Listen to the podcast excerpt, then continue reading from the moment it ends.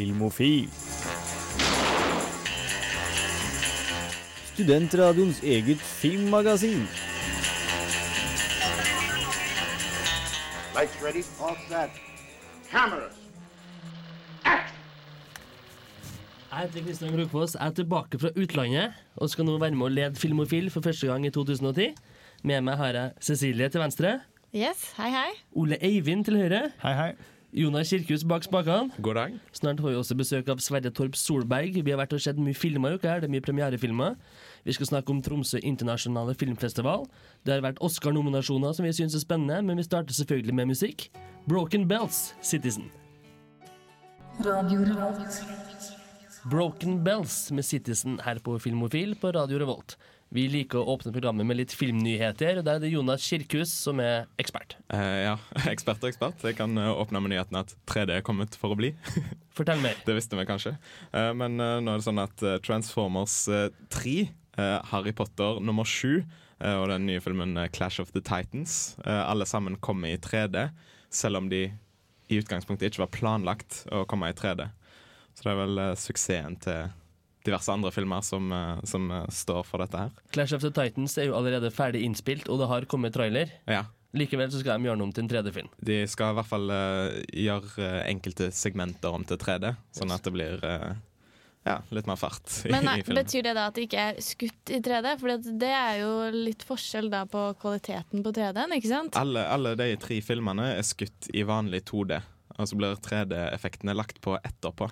Ja, for det, det var jo det som var eksepsjonelt med Avatar, da. At eh, de, det ble skutt i et eh, 3D-kamera som eh, eh, James Cameron selv hadde vært med på å utvikle. Um, så, så det blir spennende å se om eh, det blir like bra. Antagelig blir det jo rett og slett ikke det. Eh, ifølge nyhetene så skal de ha sittet og forska på dette her og prøvd seg fram og funnet ut at det blir veldig bra. Sier Men- de sjøl, i alle fall. Men det som er spennende, er å se på utviklingen av brillene. Fordi hvis 3D har kommet for å bli, så, så lurer jeg på hvordan eh, utviklingen av brillene kommer til å utarte seg. Eh, Fordi at egentlig så burde vi jo hatt eh, litt bedre briller eh, på kino. Eh, Som har en sånn datamaskin inni brillene. Eh, Men det har vi foreløpig ikke råd til, da. Eh, eh, Og de har ikke funnet en slags løsning på hvordan de skal ordne det praktiske med å ha sånne briller på kino. Men det blir interessant. Da må jeg skyte inn at jeg var i utlandet nettopp, i London, hvor jeg hadde muligheten til å oppleve 3D-TV. Hvor Sky TV hadde en sånn eh, en boks med en vanlig flatskjerm HD-TV, som nå er vanlig, hvor de viste oss eh, to-tre minutter med TV med 3D-briller på, som var sånn sånn mer fancy 3D-briller, og TV-en viste da forskjellige idrettsarrangement i en 3D-effekt. Og det var faktisk litt spektakulært. Og det kan jeg tenke TV meg. i stua i 3D, for det funker. Ja, Se for deg de hoppene på sånne hoppbakker. Bare hoppe rett uh, inn i trynet på deg. Det var boksing, ballett og noe, noe 100 meter løping, og kameraet svirra rundt, og det var en ekstrem dybde, og det var soleklart. Men Ser du for deg at dette kommer til å bli til spesielle anledninger hjemme i stua, eller blir det hverdags 3D-TV i Jeg vet, fremtiden? jeg vet ikke om jeg vil se alt i 3D, for da mister jeg kanskje igjen sin sjarm. Mm. Så ikke alt, men noe tror jeg kan være spektakulært i 3D. Eh, Når vi er inne på 3D og Avatar, eh, så har eh, sjefen for News Corp, som eier 20th Century Fox og enormt mye annet, eh, Rupert Murdoch, har vært ute og sagt at eh, nå skal han legge ordentlig med penger i å få lage Avatar 2. Eh, James Cameron har jo allerede vært ute og sagt at han har ide- ideer til både én og to oppfølgere. Uh. Så nå er liksom produksjonsapparatet satt i gang. Den har jo tjent inn ekstremt mye med penger og er veldig populær, men uh... Man kan si nå at Avatar er den første filmen noensinne til å tjene mer enn to milliarder dollar på kino. Er Som er en rekord som han slo denne uka her. Men det har sikkert rekord i kostnader også på produksjonssiden. Helt sikkert. Eh, Vi er inne på oppfølgere, så skal det komme en eh, ny Sherlock Holmes-film òg. Og når jeg leser om dette, så står det at eh, regissøren har sagt at det er av eh, hvor mye penger han tjente. Ja. Så det er jo en bra motivasjon til å sånn lage en Å nei, da blir jeg så skuffet når regissører sier det. Yeah. At det Så- liksom ikke er for lidenskapen, men pengene. Guy Ritchie har uh, droppa filmen Lobo, som han egentlig holdt på med, uh, og begynt uh, med Sherlock Holmes 2. da. Det skal nevnes at jeg syns Sherlock Holmes 1 var en veldig underholdende film. Mye bedre enn Avatar sånn sett. Absolutt. syns jeg. Ikke det at de er sammenlignbare, men Nei, nei, men når det er pengene som er motivet, så foretrekker jeg jo en Sherlock Holmes 2 Ja. en Avatar 2. Ja, men jeg følte at de la opp litt til at uh, det kommer nok snikende en Ja. toer. Det gjorde det. Mm. Har du mer? Jeg har mer. Ta en til. Enda mer eh, holdt på å si oppfølgerstoff. Sef? Det skal jo komme en uh, MacGyver-film. Uh, men det det òg skal komme, er en film som heter MacGruber. Som er en sånn uh, type scary movie-spoof-film på, på MacGyver. Eh, og det som har skjedd nå, er at Leo Slottoff, han som uh, lager MacGyver, han eh, har saksøkt eh, denne filmen, som egentlig skal komme i år, uh, pga. urettferdig konkurranse, siden MacGyver-filmen ble, eh, ble annonsert først. eh, og sånne ting. MacGyver er kanskje litt mer i din gate, Ole Eivind, hvor vitenskap møter spenning i heller eh, urealistiske settinger. Ja, nå er urealistiske settinger kanskje stikkord her, da. Men, eh, men jeg var stor fan av MacGyver da jeg var liten, og jeg syns jo fortsatt det har sin, sin sjarm. da. Det har det. Helt til de siste sesongene, da, som eh, ja, var grufullt kjedelige. Jeg kan nevne at uh, i MacGruber-filmen så skal Val Kilmer og Jason Bateman spille, faktisk. Det er jo to gode navn. To gode navn i en film som ikke høres altfor god ut. Eh, Og eh, man skal spille skurken i filmen, som heter Dieter von Kunt. Super. Super.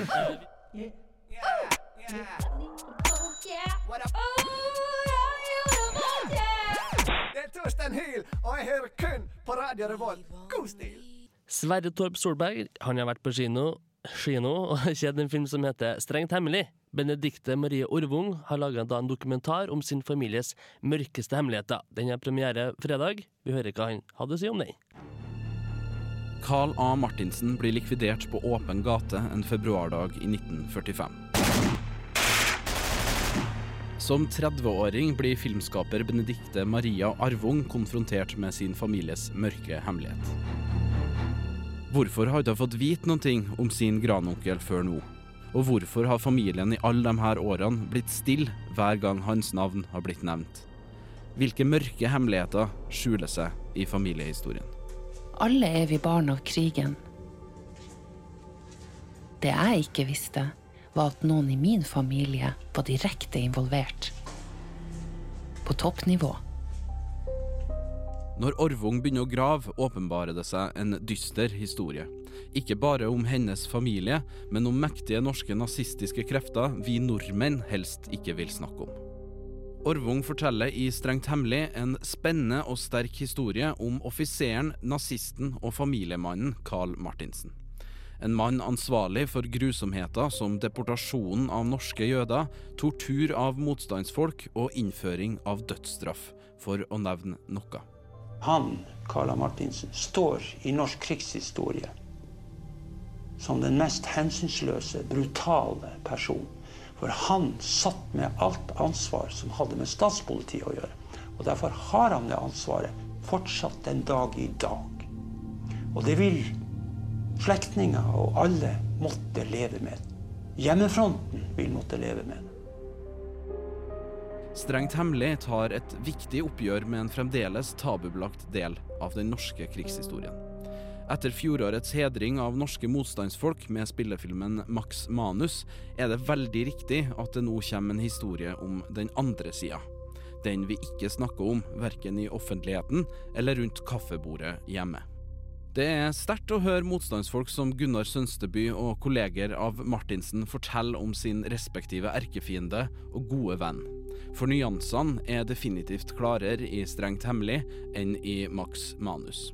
Stilt opp mot hverandre er det interessant å se at motstandsmannen Gunnar Kverk og Martinsens kollega Helge Vik, til tross for sine motsetninger, finner samme svar på spørsmålet om hvorfor de gjorde som de gjorde under krigen. De gjorde kun sin plikt og fulgte ordre. Den lille bande av leiede sabotører og snikmordere som ekskongen og hans drabanter i London og Stockholm har velsignet oss med.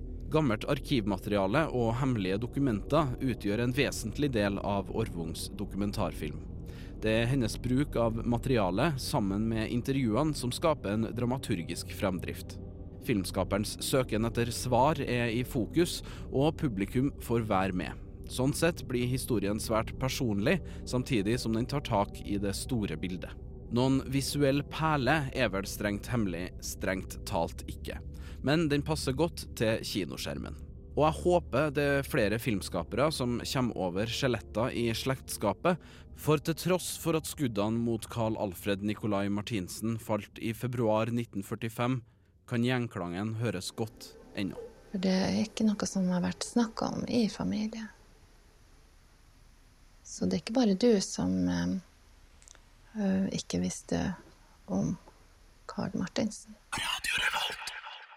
Strengt hemmelig der, anmeldt av Sverre Torp Solberg. Jeg tror ikke jeg hørte deg så seriøs før jeg, i en anmeldelse. Nei, men eh, det er en ganske seriøs film. Jeg har vært egentlig sittende litt med, sånn, med hjertet i halsen. Og det som er kanskje mest interessant, er at uh, hun, hun, dama her, da, eller hun filmskaperen, Orvung, uh, visste ikke om hvem Carl uh, Martinsen var. Og det må jeg ærlig talt med hånda på hjertet si, det visste ikke jeg heller. Og det er en av de mest sentrale eh, nazistene i Norge under krigen. Og han har egentlig bare gått i glemmebokene hva gjelder norsk historie, så vidt jeg har fått med. Er dette en film som da det norske folk eh, bør gå og se og få lært seg litt om eh, hva som egentlig har skjedd før? Absolutt. Det er, det er på ingen måte en hedring av den norske historien, men eh, det er viktig å på en måte få den eh, sida presentert også, og det syns jeg hun gjør veldig godt. Da triller vi terning på strengt hemmelig. Ja. Det gjør du. Nei, jeg gjør det, ja. Jeg har ikke terning med meg, men jeg får bli en femmer. Femmer til strengt hemmelig av Sverre Torb Storberg. Her er Motorpsycho X3, Knuckleheads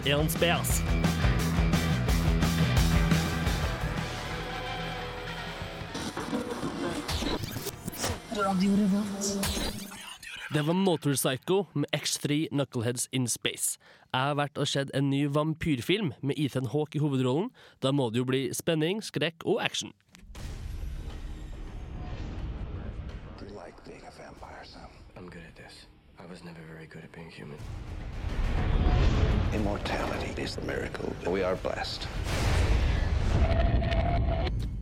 I Daybreakers er året 2019, og størstedelen av jordas befolkning har blitt vampyrer grunnet sykdomsutbrudd og pest. De få menneskene som er igjen, blir jakta for blodet sitt, men snart vil vampyrene gå tom for fersk næring.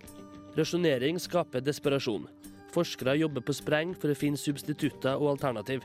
Her møter vi Ethan Hawke som sjefshematolog, som viser sympati for menneskene, sjøl om tørsten kan være overdreven. Vampyrer som går for lenge uten næring, blir til ville skapninger som angriper alt og alle.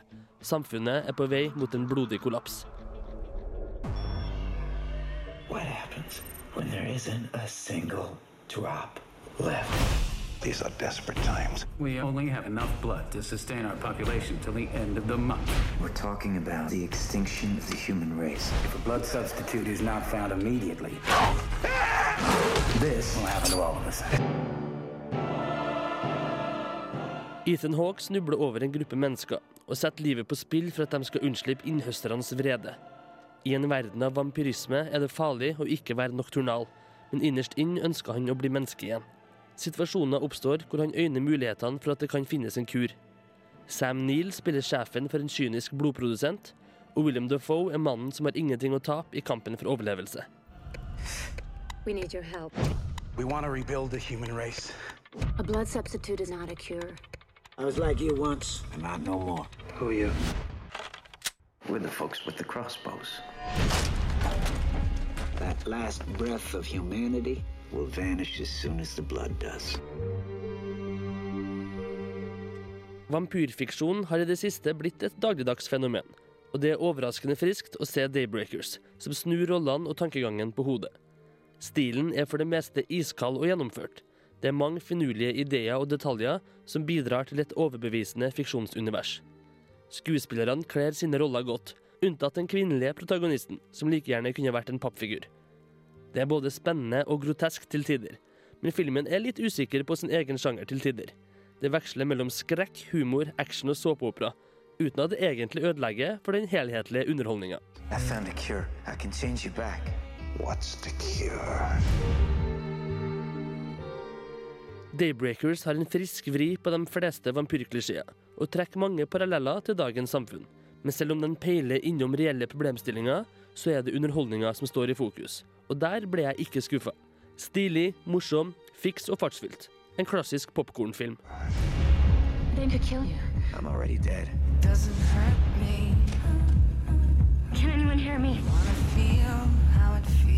They found us.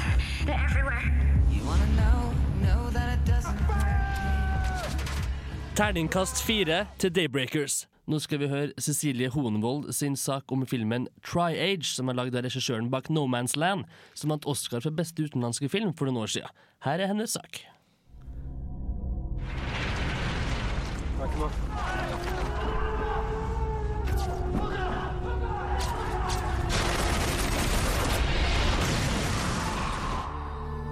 Two more days, man.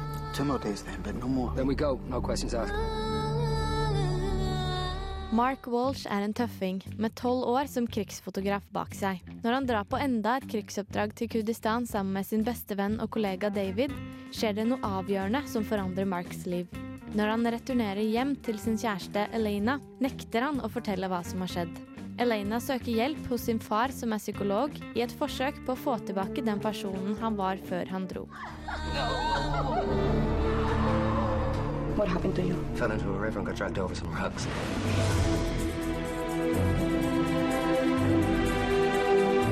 My best friend David went to Kurdistan together, but we split up.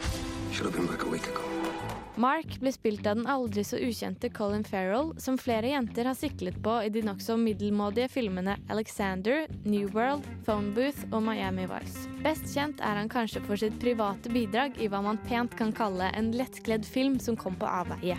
Denne gangen derimot har Colin Farrell gått seriøst til verks og tolker sin beste rolle hittil. Det er derimot ikke sagt at filmen i seg selv er spesielt oppløftende, selv om Farrell gjør en god innsats. I can't do this anymore, man. David, I'm going home. David!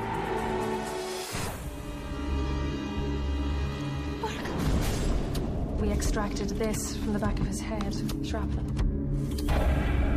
Det tar altfor lang tid før jeg forstår retningen på filmen, hvor den har tenkt til å føre meg. Så først når det blir avklart nesten mot slutten, er ikke ventetiden verdt det. Jeg har allerede kjedet meg, og skaden er gjort. Slutten i seg selv skal ikke sies å skuffe, men det er veien dit som føles mangelfull.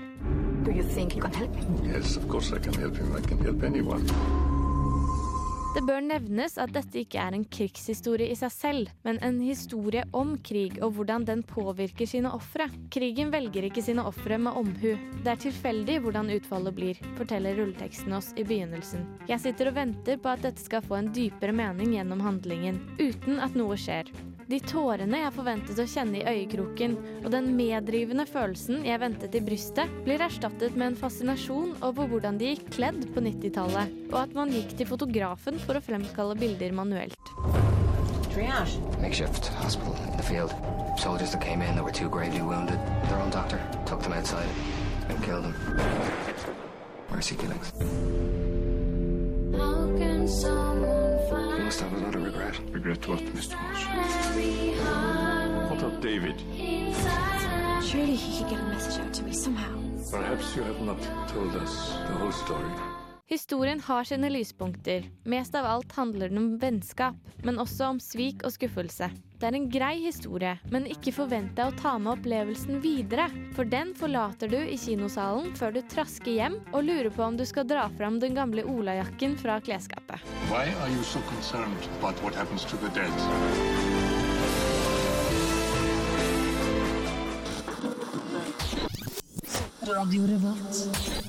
Cecilie Hornvold har da sett Triage, eller Triage. Vi er ikke helt sikre på hvordan det uttales ennå.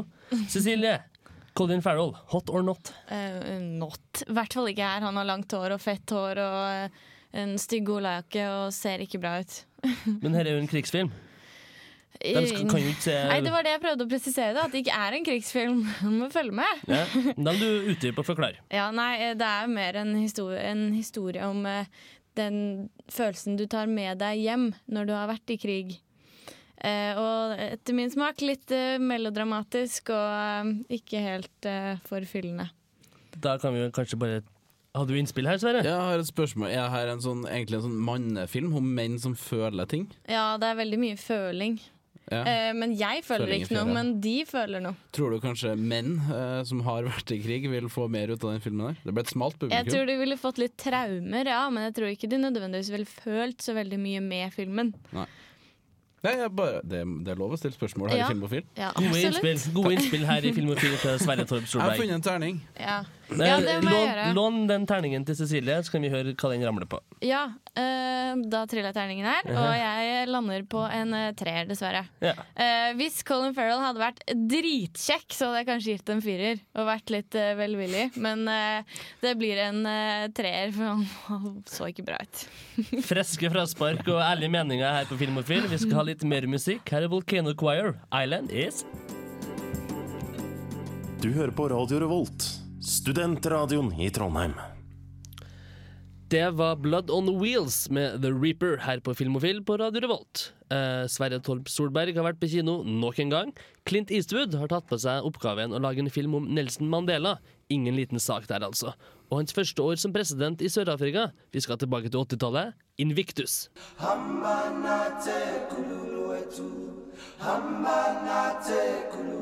Hvite, privilegerte sørafrikanske ungdommer spiller rugby på det grønne gresset utenfor privatskolen.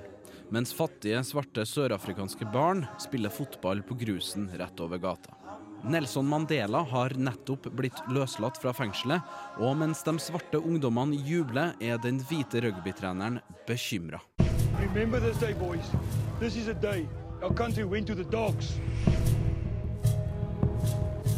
Invictus handler om Sør-Afrikas rugbyteam Springboks, som mot alle odds vant VM-finalen i rugby på hjemmebane i 1995, og sikra sitt land ære, berømmelse og en diger pokal.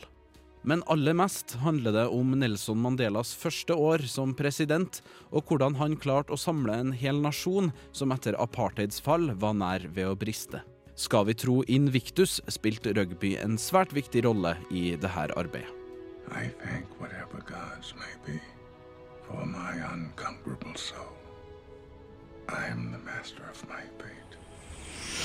I am En utrolig, men sann, god og inspirerende historie som regissør Clint Eastwood gjerne kunne hatt litt mer tillit til. Isteden hamres det her livsviktige budskapet om likhet for alle og regnbuenasjonen inn i hodene våre, med overdreven symbolikk, unødvendige monologer og til tider fullstendig tåpelig apropos-musikk.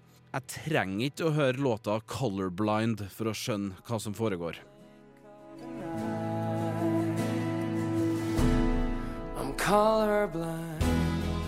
Selv med fare for å drukne i tung symbolikk, er Invictus en film det er verdt å få med seg. Morgan Freeman er født inn i rollen som Nelson Mandela, og det er tøft gjort å spille en i aller høyeste grad levende legende på film.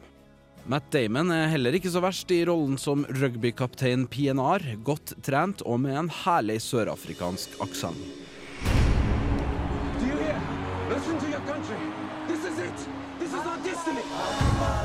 Foruten å være en bok og en film, er Invictus også et dikt som inspirerte Mandela de 27 årene han satt fengsla på Robben Island. Filmen Invictus kan også inspirere og minne mennesker på at sjøl om man har alle odds imot seg, så er det mulig å forandre verden. Og at hvis du slår det budskapet inn hardt nok, vil det forhåpentligvis sitte.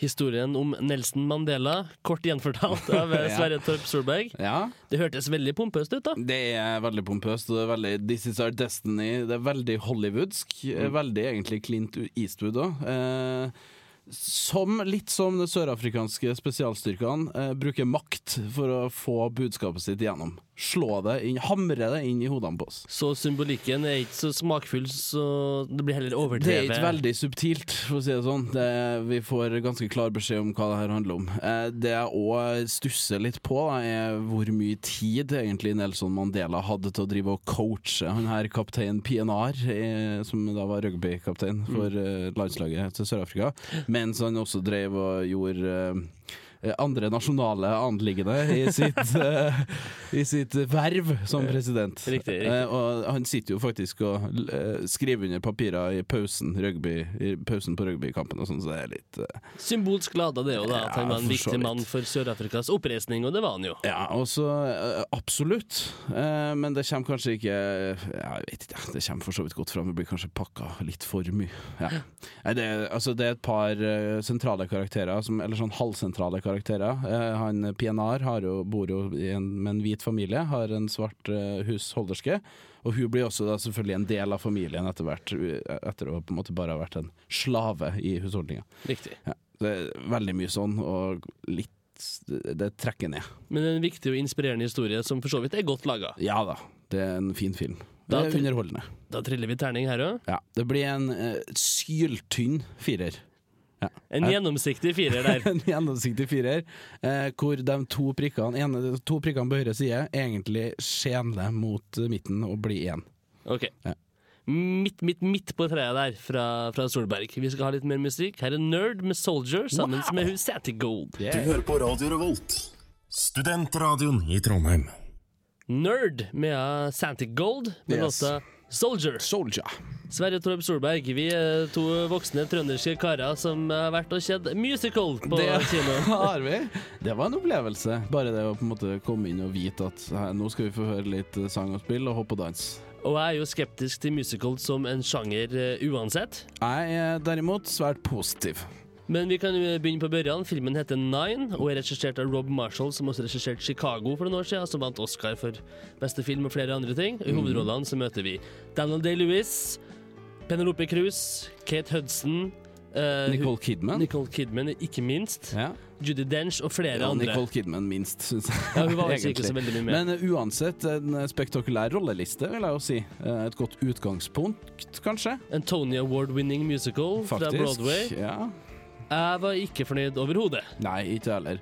Jeg har, eh, sånn som jeg ser det, da. eh, Hvis du skal lage en musikal, så må du ha eh, minst én eller to av tre elementer. Du må ha interessante karakterer, god musikk som er fengende, gjerne.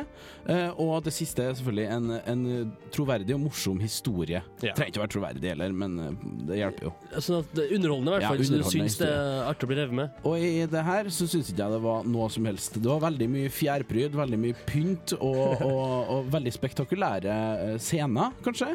Artige Produksjonen var jo Ja. veldig stor og, og flott. Veldig flott. Og, og også se de her dansenumrene. Veldig tøft, veldig kul koreografi, da, syns jeg, som Ja. på en måte liker sånt. For I filmen så er vi i Italia på midten av 60-tallet. og Det handler om en filmregissør som skal lage en ny film, men som aldri kommer, kommer i gang med manus og sliter med at folk maser på og Han er nevrotisk, røyker hele tida, har fine dresser, ligger med masse damer. Men det Ja, er hele har- historien. Det skjer ingenting. Nei, det er jo det her kompliserte kjærlighetsforholdene hans, det romantiske, som på en måte også er med på det, og, og som også på en måte numrene bygger mye på. da. Det er gjerne damene som synger sine sanger til Guido, eller Daniel Day-Lewis. Ja. Og som da bringer oss til poenget som er låtene, musikken din i musical, som jeg syns absolutt ikke på noen som helst måte holdt standard. Det var ekstremt kjedelig, repetitivt, umelodisk, uinteressant musikk. Forglemmelig, vil jeg si. Veldig godt ord. Og når en musical ikke kan engang flyte på gode låter med en dårlig historie, da sitter du igjen med veldig lite. Du gjør det. Eh, det er veldig mye inspirasjon fra tidligere både filmer og musikaler her. Det er mye referanser. Det er veldig mye referanser. Eh, du vet jo litt mer om eh, tidlig italiensk film enn hva jeg gjør. Den Det er- vel åtte og en halv er blitt nevnt her. Det er da en Frederico Fellini-film, mm. som han lagde sin åttende film. Han har allerede lagd en med en en annen regissør, som har lagd åtte og en halv filmer. da. Ja, nettopp. Eller sju og en halv før, det, så Ja, det vært åtte og en halv. Den handler om en filmregissør som ikke finner ut hva han skal gjøre med filmen sin, og spiller ut med masse damer. Så den musicalen her er jo en direkte rip-off nesten av den sinnsstemninga og den tida Roma 65. Og det er mye sånn eh, referanser til popkultur fra den tida. Mm. Både europeisk og amerikansk. Og det er også eh, en del eh, eh, pek mot kanskje det parisiske og den her eh, eh, eh, røde Moulin Rouge. Ja, Moulin og Rouge. fjær og i hele tatt. Så nå har vi på en måte eh, fransk, amerikansk, italiensk. Da vil jeg kaste inn litt uh, germansk, jeg. Yeah. Jeg sier nine til nine. Kjempebra. Jeg er heller ikke på noen som helst måte overbevist av denne filmen her. Jeg liker ikke musicals, men jeg gir det en sjanse. Den del Louis gjør en grei rolle, etc., etc. Jeg kaster terning på den. Jeg er streng. Jeg liker å være streng. Ja, jeg skal være enda litt strengere, for jeg liker musikaler, og det her var søppel. En bæsj med fjærpynt. Terningkast én. Du hørte her i Filmofil Tanya Morgan, The Make Believer. Du hører på Radio Revolt, studentradioen i Trondheim. Da er vi kommet til et fast innslag som vi kaller Ukas filmlåt. Cecilie, du har hatt æren nok en gang av å komme fram med en liten perle. Ja. Eh, jeg og Ole, Ole Eivind satt og koste oss litt med det her. Og så kom vi på at eh, Danny Elfman er jo en veldig god eh, komponist. Han har lagd mye musikk, i hvert fall. Og mye gjenkjennelig musikk. Og samarbeidet eh, veldig mye med Tim Burton. Det er vel praktisk talt alle filmene. Ja, jeg vil tro det. Ja. Så vi tenkte rett og slett da å bare høre på en av eh, låtene hans fra en Tim Burton-film. Ingen andre enn eh, 'Nightmare Before Christmas'. Mm. En feiende flott uh, film for både uh, små og store. Kjempefin uh, film, det der. Ja, Så da kan vi egentlig bare nyte 'What's This?' og ukas filmlåt her på Filmofil.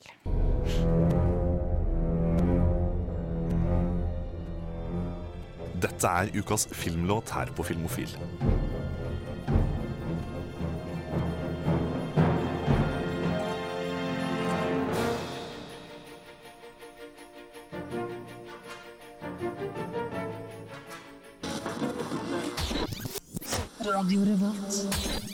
Danny Elfman komponerte 'What's This?' fikk du høre der fra 'Nightmare on Elm Street'. Produsert av uh, Nightmare Before Christmas, sa jeg. Der. Jeg må bare passe på at den fulgte med. Ole Eivind, du er tilbake i studio. Det er jeg. Fordi du har vært på Tromsø internasjonale filmfestival. Det har jeg vært. Som gikk av stabelen Det var i januar. eh, Sånn rundt 18. To-tre uker siden. Ja. Fortell meg litt om den opplevelsen, for jeg har aldri vært her. Nei, jeg, det er jo syvende gang jeg er der, da. Um, Syvende? Ja, siden 2003. Er du gammel? Hvor gammel er du? Jeg er 23. Dæven. Flink gutt. Ja, nei, eh, så um, har jo tradisjon å stikke opp dit, da. Så ser vi da en eh, 10-15 filmer i løpet av en helg. Eh, for meg så er det den ypperste norske filmfestivalen av de jeg har vært på. Jaha. det er em, ja, en fantastisk filmfestival. Ikke bare er det gode filmer, men det er også en eh, ja, veldig hyggelig atmosfære på den festivalen. Og noe som er kult med musikkfestivaler, er jo at du går inn på et lukket område, eh, og alle som er der, de er der for å gå på konserter. Mm. Mens når du går på filmfestivaler, så er det ikke det samme stort sett. da, Fordi du får kanskje litt sånn festivalfølelse når du er inne i kinobygget, men med en gang du går ut på gaten etter en film, så alle de andre du ser der, de er jo der bare og gjør sine daglige ting. Men når du er oppe i Tromsø, så får du virkelig inntrykk av at absolutt hele byen er der for å se film. Eh, ikke at det selvsagt er sånn i virkeligheten, men, men det er veldig stor oppslutning, da. En fellesskapsfølelse, Ja. kalles vel det. Ja. Og hvilke filmer var det du var der for å få med deg litt sånn ekstra? Ja, nei, ehm, de to jeg var eh, Ja, de to høydepunktene for meg eh, var vel ehm, eh, The Road. Mm -hmm. den filmen med Viggo Mortensen som da kom på kino her. Og Basert på en bok Bo- av Cormac McCarthy, som også skrev No Country for Old Men. det er det. Det stemmer. Så den gleder vi oss til. Ja. Flott. Den likte jeg svært godt. Veldig forskjellig fra No Country for Old Men, men en fantastisk god film. Eh, og eh, det er litt eh, uvant da for meg at de to filmene jeg likte best da, fra den helgen, var to filmer som kom på kino. Fordi den andre filmen jeg også likte ekstremt godt, var A Single Man av moteskaperen Tom Ford. Eh, som var en gjennomført, nydelig film. vakker filmet. Og det er jo ikke så rart, i og med at Tom Ford er en veldig god fotograf og moteskaper, og sånn, så, men det estetiske var jo virkelig helt på topp. Ja. Og gode ja, skuespillerprestasjoner i begge filmene. Så du noe ekstremt sært?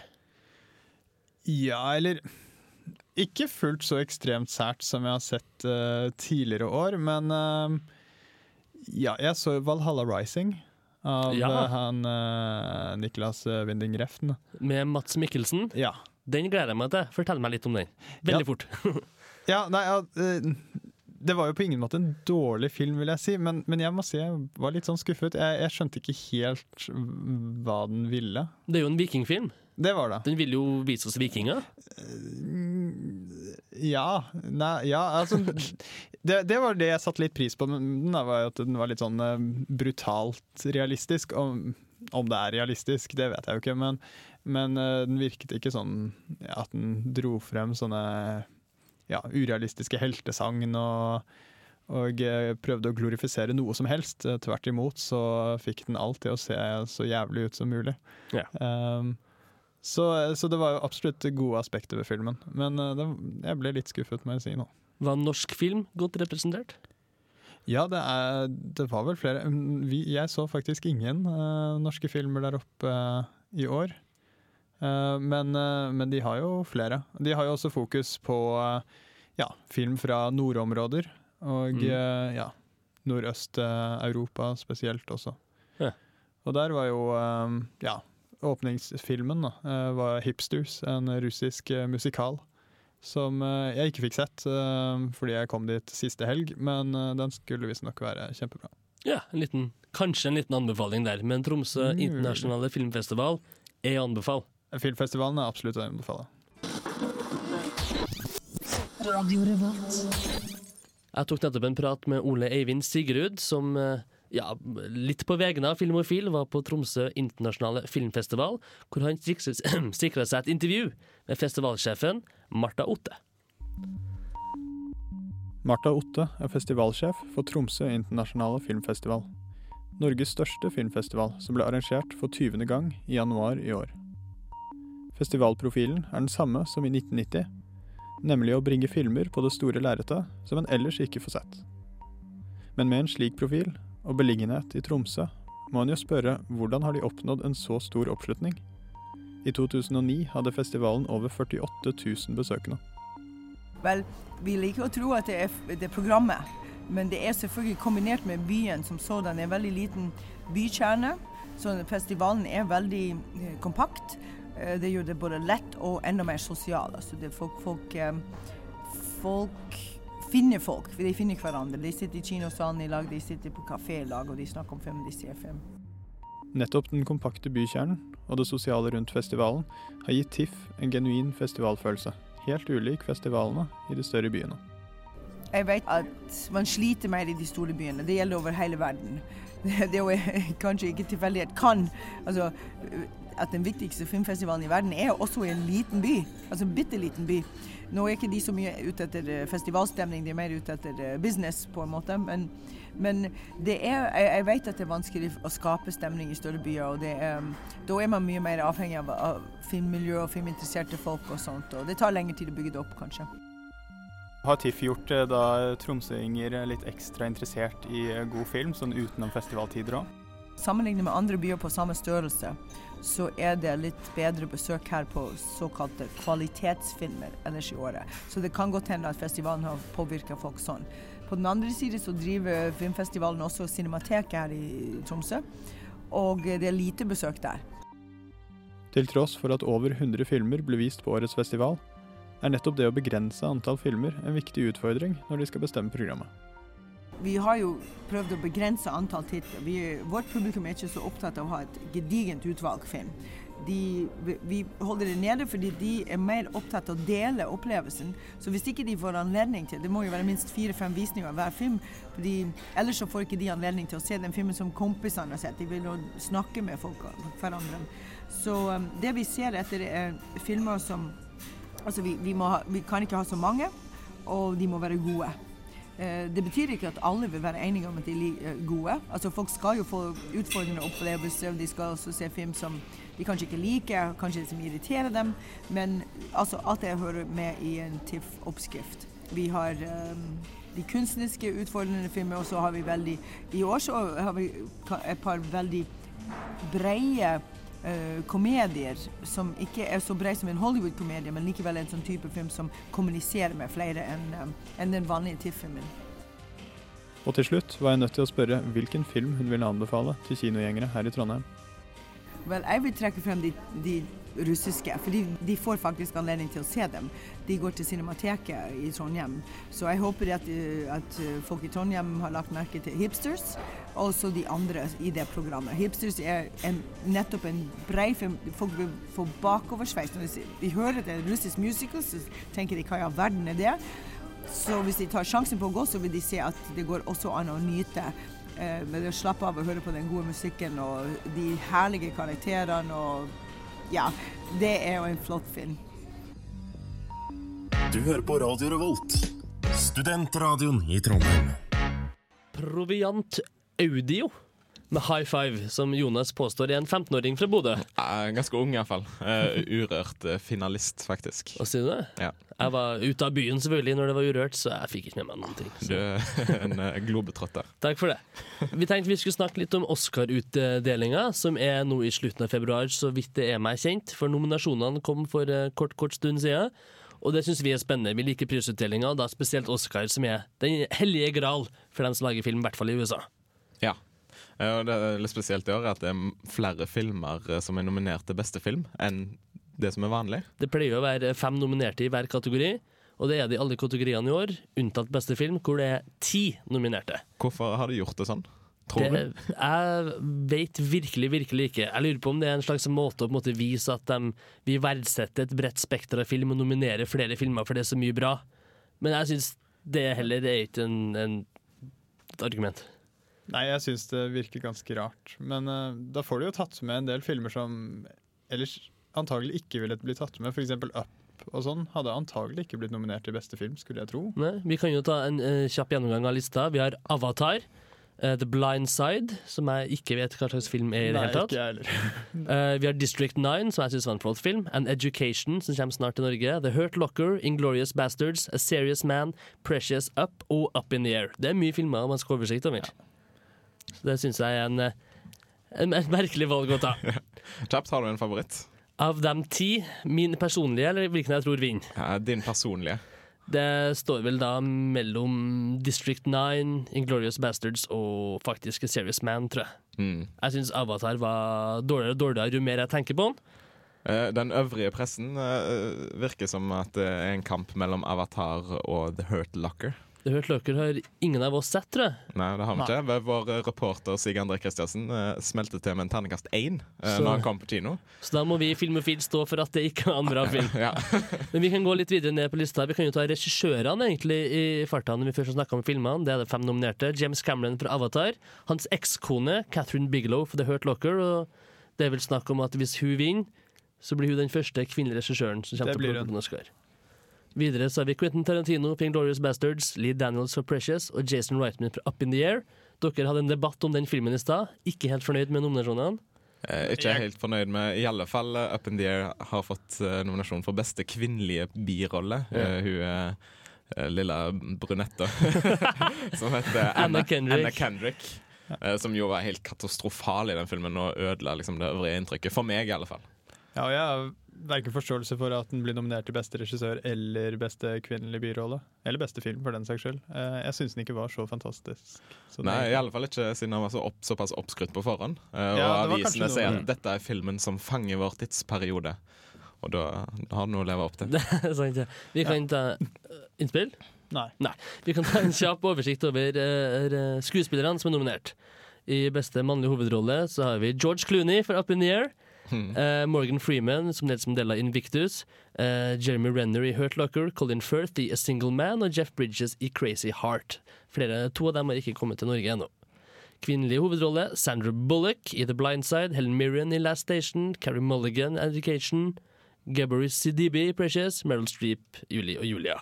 Så det er mye av samme navnene som går igjen hvert år, virker det som. Eh, om det er så interessant for folk å høre på at vi har ramset opp masse navn, det er ikke jeg sikker på, men vi syns i hvert fall det er veldig spennende når nominasjonene kommer ut. Ja, Oscar er stort for veldig mange. Så da regner med at folk er interessert. Men vi må høre litt mer musikk. Vi, jeg og Jonas har gleda oss til å høre for første gang en ny låt av Eels. Den heter Gone Man.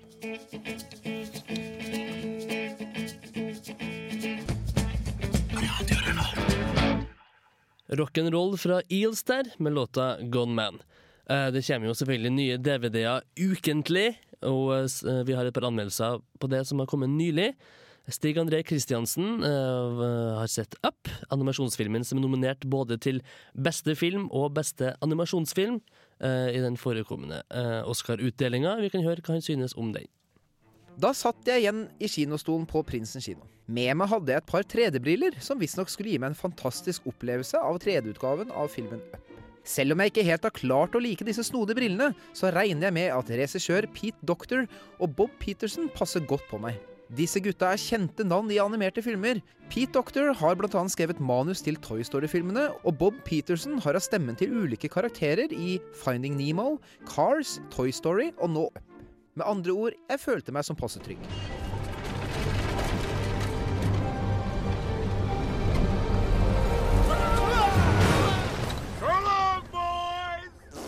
Når de første bildene fra filmen treffer 3D-brillene mine, så tar det ikke lang tid før jeg godtar disse ekstra nærbildene brillene gir meg. Etter en stund sitter jeg og ser på en gammel krokrygget mann sittende i stolen. Han heter visstnok Carl Fredriksen. Carl Fredriksen titter opp mot veggen, og vi får se et bilde av Ellie, som var hans kone i mange år. Sammen delte de en drøm om å fly til Sør-Amerika og til et magisk sted med navn Lost Land. Carl han har ikke gitt opp drømmen, og etter en slem ledelse fra et slemt, slemt byggefirma jager han bort fra huset sitt. Da begynner drømmen virkelig å ta form. Jeg må gni meg litt i øynene når neste bilde vises på lerretet. For huset til Carl har nemlig begynt å bevege seg, og hva i huleste gjør tusenvis av ballonger på taket? Jeg gaper mens huset stiger til himmels, og Carl håner byggefolka. Jeg tar fram en ny kjærlighet på pinne, for denne filmen har tatt en interessant vending. Carl setter seg i stolen og smiler mot bildet av Ellie, mens huset stiger mot skyene og det bankes på døra. Please let me in. No.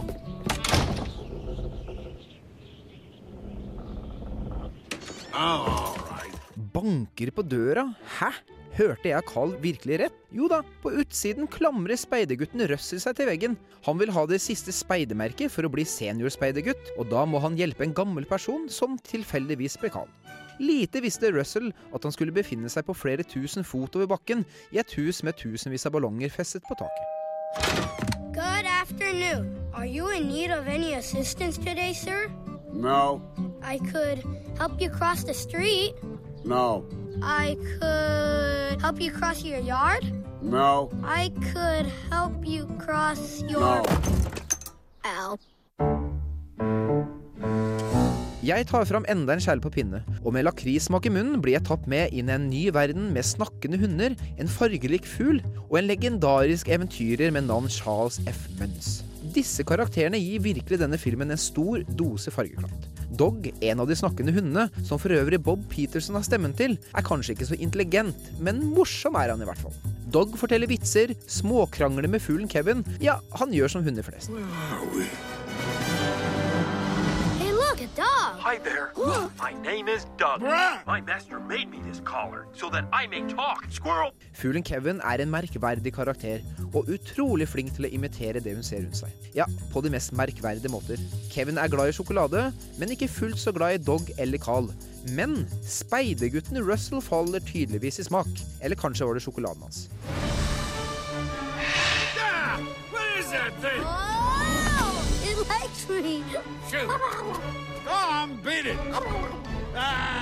Når jeg så sitter der mot slutten av filmen og har sett sjokoladespisende fugler, snakkende hunder som lager mat og serverer champagne, ja, og som til tider kan være litt for irriterende morsomme, og et hus som flyr med tusenvis av ballonger på taket, og i tillegg opplevde en rørende kjærlighetshistorie, ja, da er det på tide å reise seg opp etter nesten to timer i godstolen, mimre litt og si farvel til nok en herlig filmopplevelse. Du hører på Radio Revolt, studentradioen i Trondheim. Og der hørte du Old School Tie med God's Electric Superscene her på Filmofil. Vi tar en kjapp titt på det som nettopp har kommet til DVD-hyllene rundt omkring i Trondheim. Cecilie har tatt en titt på filmen Taking Woodstock, om da festivalen fra 1969. Vi kan høre hva hun syntes om den. Et stikk av nervøsitet og spenning farer gjennom kroppen idet jeg er på vei inn til min første pressevisning for Filmofil. Mens jeg spankulerer bort til Prinsen kino, får jeg tid til å reflektere litt over hva en god film er. Og jeg skjønner straks at opplevelsen er fullstendig subjektiv. Det letter dermed mitt hjerte at jeg kun kan oppleve den fra mitt eget perspektiv og ikke andres. Vel framme i kinosalen, godt plassert i midten, begynner filmen å rulle. The Monaco Resort is my parents' lifeblood. Oh, it's a resort now? You're in arrears on the mortgage. Just give us a couple months, please. We'll get the money. Look at this. Some hippie thing's gonna get canceled unless they find a new place for the concert. Wow, Janis Joplin. Grateful Dead, The Who. Well, the locals killed it. Bummer, man. Can you connect me with something called Woodstock Ventures? Regissør Ang Lee tar oss tilbake til 1969, året der over 500 000 hippier inntok den lille forstaden White Lake utenfor New York for å delta på den notoriske Woodstock-festivalen.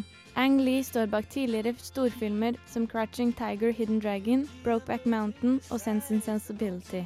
Så forventningene var derfor høye til Oscar-vinnerens nye film. Hey man, You have a permit, right? Yeah. Very cool. You say you want to use these fields here? That's why we're here. You'll have to tidy up after yourself. Of course.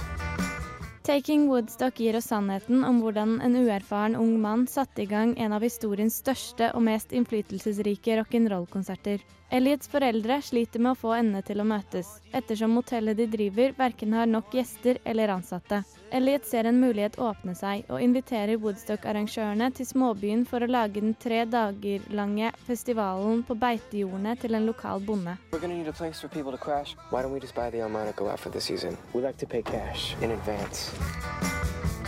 Your mother says we can triple our money. Three times the rooms.